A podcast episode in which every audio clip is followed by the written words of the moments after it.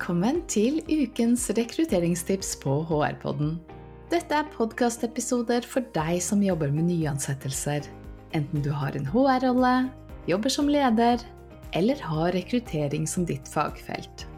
Korte og enkle episoder for fagtips i farten. I denne episoden møter du meg, Annelise Heide, leder av HR-podden, og Kristin Vestringås, daglig leder i rekrutteringsselskapet Kløkt.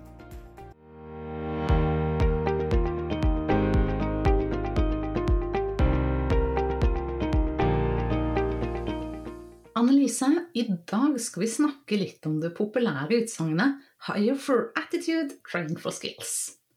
Det brukes, og det misbrukes. La meg først høre, hva mener du egentlig med det?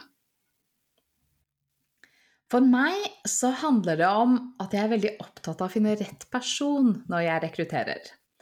At eh, personlighet, holdning og verdier er vel så viktig som hvilken CV du har. Eh, og her snakker jeg om personlig egnethet. Altså det å finne en person som egner seg for rollen, som passer godt inn i teamet, og som vil trives i miljøet. Noen som matcher kultur og verdier i virksomheten, Samtidig som det er en god person å jobbe med, og en man virkelig kan stole på. Så du tenker at ferdighetene ikke er viktige, men at de kan læres? Ja, med visse modifikasjoner. Du kan selvfølgelig ikke ansette en kirurg som ikke har studert medisin, eller en pilot uten flysertifikat. Eh, skikkelig dårlig idé, for øvrig. Men eh, så, så, i noen roller, der er det et lovkrav, eller helt grunnleggende sånn formalkompetanse, som må være på plass for at du skal kunne ta den, denne type jobb. Men i mange andre jobber så kreves det ikke noen spesiell utdannelse eller en sertifisering. Og da tenker jeg at personlighet og holdninger er vel så viktig. Altså at det handler om å finne mennesker som du har lyst til å jobbe sammen med, og som har evner og lyst til å lære seg jobben. Hos flere av mine tidligere arbeidsgivere så har jeg rekruttert til stillinger uten noen sånne spesielle ferdighetskrav. Ehm, det har vært jobber, eller når jeg sier uten spesielle ferdighetskrav, så sier jeg uten noen veldig spesielle krav til utdannelse eller arbeidserfaring. Det har vært jobber innenfor kundeservice, salg, saksbehandling eller ulike administrative stillinger. Eh, og i de tilfellene så har det vært mye viktigere å ha gode opplæringsprosesser enn det å stille veldig høye kompetansekrav eller formelle kompetansekrav ved nyansettelser. Mm. Ja, og her syns jeg vi er inne på et viktig skille. For ja, det er visse stillinger der mange av ferdighetene i rollen kan trenes opp på relativt kort tid. Og de du nevner, som kundeservice, ren administrative, og de salgsstillingene som har veldig korte, enkle salgsprosesser, de krever ofte færre ferdigheter fra før enn f.eks. lederstillinger og mer komplekse salgsroller. Mm, kan jeg kommentere der? Du sa noe viktig, de krever færre ferdigheter fra før. For det er jo ikke det at de ikke krever ferdigheter, men det er enklere å komme inn i det. Mm. Mm.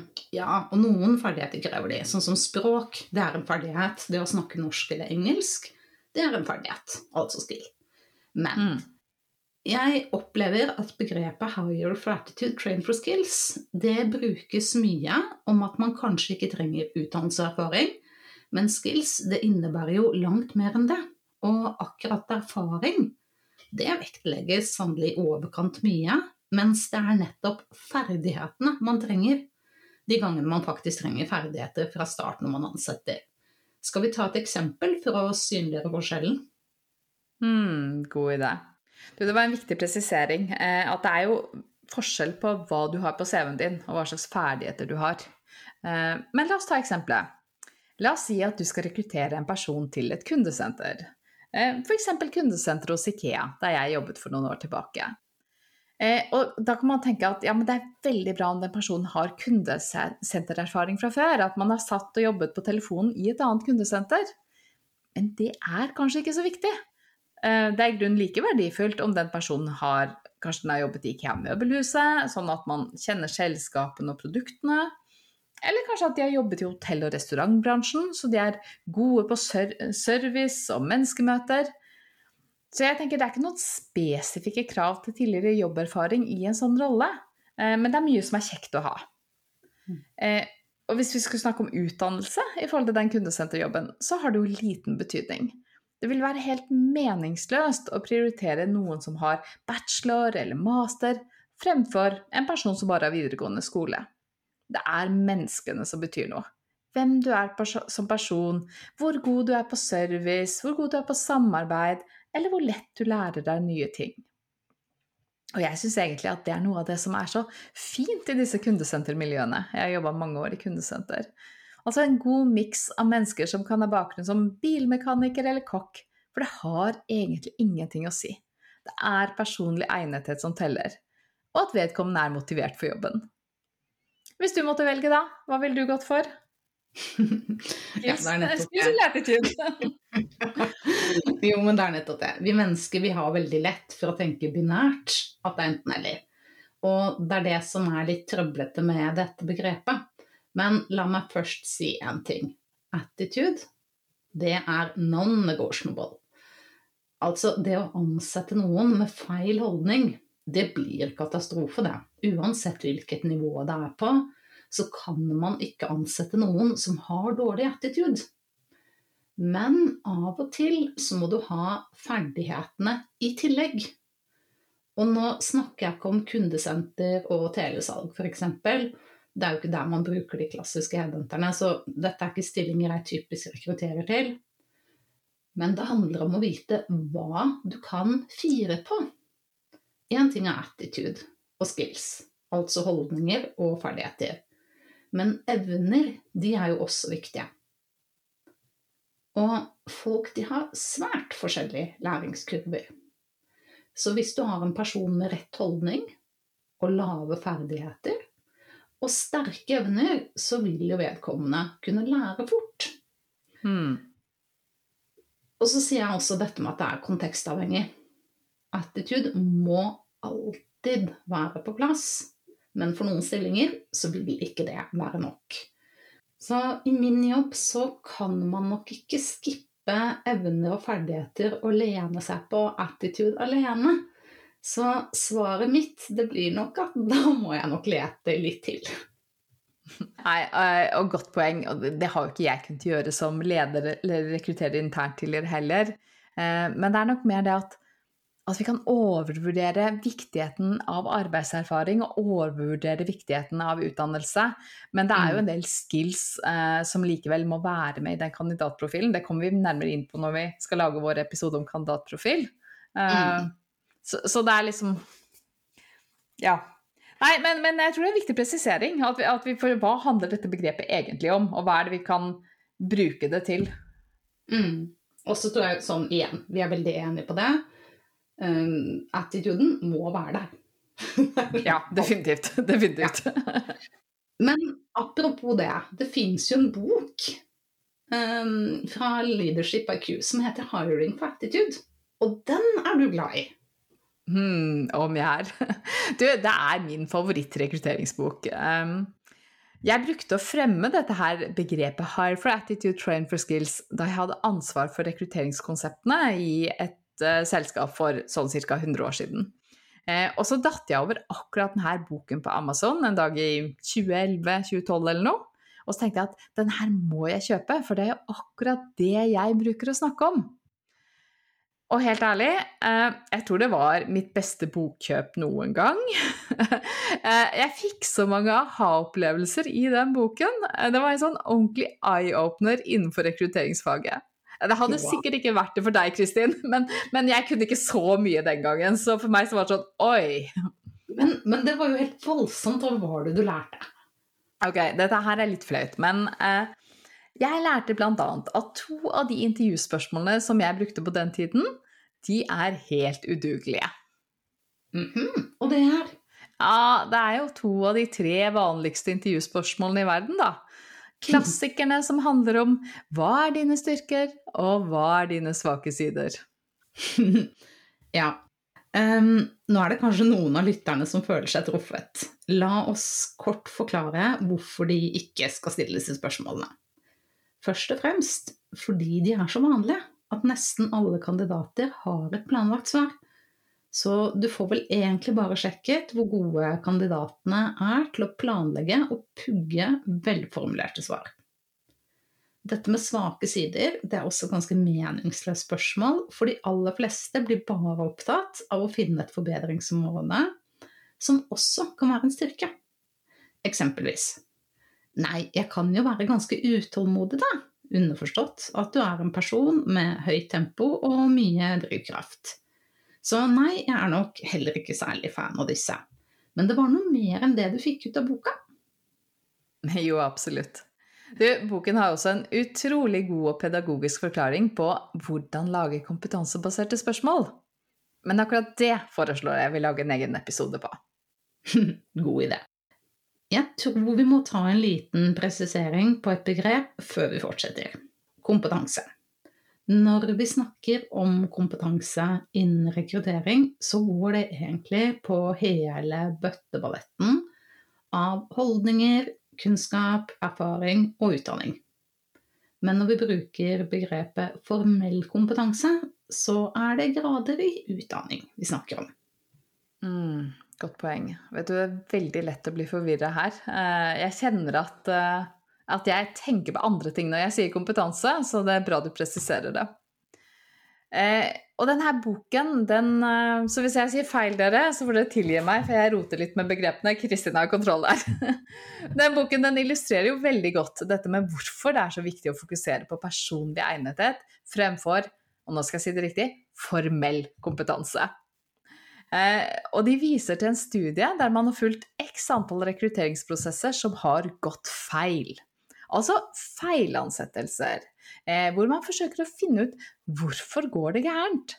Eh, og av de fem viktigste årsakene, så er det bare én som handler om formell kompetanse. De fire andre handler om personlig egnethet. Altså attitude. Mm, det stemmer, det. Og hvis jeg ikke husker mye feil, så handlet det om coachability, emosjonell intelligens, motivasjon og det som man kaller cultural fit. Altså om du føler deg hjemme i den kulturen og de verdiene man lever etter i den aktuelle virksomheten. Nå ble det mye fra Hiring for Attitude-boken i denne episoden, men det var kanskje meningen? Ja, det er helt greit. Det var jo denne boken som inspirerte meg til å lage en episode på akkurat dette temaet. Men jeg foreslår at vi runder av med å snakke om det som vanligvis går galt, eh, som kanskje også er den viktigste læringen fra denne episoden. Eh, som du nevnte innledningsvis, så vil vi jo helst ha både i pose og sekk, altså både skills og attitude. Men den klassiske feilen som mange ledere gjør, er å la seg blende av skills. Du får altså en kandidat som har eksepsjonelt høy kompetanse, altså en mye bedre CV enn alle de andre kandidatene, og så tenker du at dette er min mann for stillingen, uten å vurdere om personen passer inn i teamet eller organisasjonen. Mm. Har du opplevd noe sånt, som du sa? Ja. Du, jeg minnes godt en, en rekrutteringstabbe som kosta meg dyrt for en god del år tilbake. Jeg skal ikke gå for mye inn i detaljene, men jeg ansatte altså en person som var særdeles godt kvalifisert for rollen, men som ikke fungerte særlig bra i jobben. Og det var en sånn type kandidat som gjorde at vi ble litt betatt. Han kunne faget til fingerspissene, og han utklasset de andre på teamet. Eh, og sin egen leder. Ganske fort. Så vi følte virkelig vi hadde gjort et kupp når vedkommende ville starte hos oss. Og vi tenkte på hvor mye de andre på teamet kom til å lære av å jobbe sammen med denne gullkandidaten. Og vi fikk på en måte helt rett. Denne personen han fikk en knallstart, og han utmerka seg fra dag én, men han var ikke spesielt interessert i å dele sin kompetanse med andre. Han var heller litt skarp og nedlatende mot sine kolleger, og det ble ganske raskt dårlig stemning på teamet. Så konsekvensen den var vel heller at de andre på teamet ble dårligere. De var mindre motivert, de ble redd for å gjøre feil, eh, og de var lite villige til å ta på seg noe ekstra ansvar, fordi det var duka for misnøye og kritikk fra denne nye superkollegaen hvis man ikke lykkes med en oppgave. Så til syvende og sist så endte dette teamet opp med å prestere dårligere som team enn det de hadde gjort før personen kom inn. Mm. Det hørtes ikke bra ut. Men hva skjedde etterpå? Vi, hadde jo en, vi hadde en tett dialog for å forsøke å løse opp i situasjonen når vi, når vi så hvordan dette utvikla seg. Eh, og det endte med at vedkommende valgte å si opp, noe som sikkert var like greit. For meg så var det et klassisk eksempel på det som Hiring for Attitude-boken kaller talented terror. Altså, det var ingenting feil med kompetansen, um, altså den formelle kompetansen. Den var tipp topp. Ferdighetene tipp topp. Men samarbeidsegenskapene og viljen til å gjøre andre gode, eller bare fungere godt sammen med andre, den var ikke-eksisterende. Mm. Vi har jo snakket en del om rekrutteringstabber tidligere, og her tror jeg du setter fingeren på en av de største tabbene.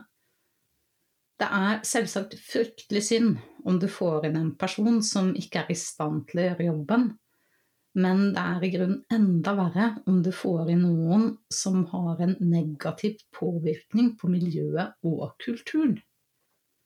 Det kan jo gå utover motivasjon, engasjement, arbeidsmoralen samarbeid, og i verste fall så er det noen andre som slutter fordi det går utover trivselen på arbeidsplassen, eller det trigger konflikter. Så vi er helt enig i at attitude, det er avgjørende. Det må være på plass. Definitivt. Og det går jo an å trene for skills, som du var inne på tidligere. Og her beveger vi oss over på det som jeg ser blir en felle for mange bedrifter, for de ansetter for attitude, men de trener ikke for skills. mm, det er sant. For det krever jo selvfølgelig at man har kapasitet og kompetanse for å gjennomføre nødvendig opplæring. Du kan ikke si 'hire for attitude' og 'train for skills' uten å legge inn de ressursene og den tiden som trengs for en god opplæring i etterkant. Og her er det dessverre veldig mange som feiler. Det er ikke fritt for at mange virksomheter snubler på målstreken når man har fått inn kandidaten. Så ikke undervurder verdien av en god onboarding og solid opplæringsprosess. Der er vi helt på samme planet. En god onboarding-prosess, det er jo prikken over i-en når du ansetter nye mennesker i organisasjonen. Mm, jeg har lyst til å si noe mer om hvordan vi kan sikre at kandidaten har rett kompetanse og riktige holdninger, men det får kanskje bli i neste runde. Definitivt. Og jeg mistenker at det blir mer enn én episode til på det temaet der. Så for deg som hører på rekrutteringstips, hold øya åpne for episoder om intervjuspørsmål og rekrutteringstester. Der får du svarene. Vi høres!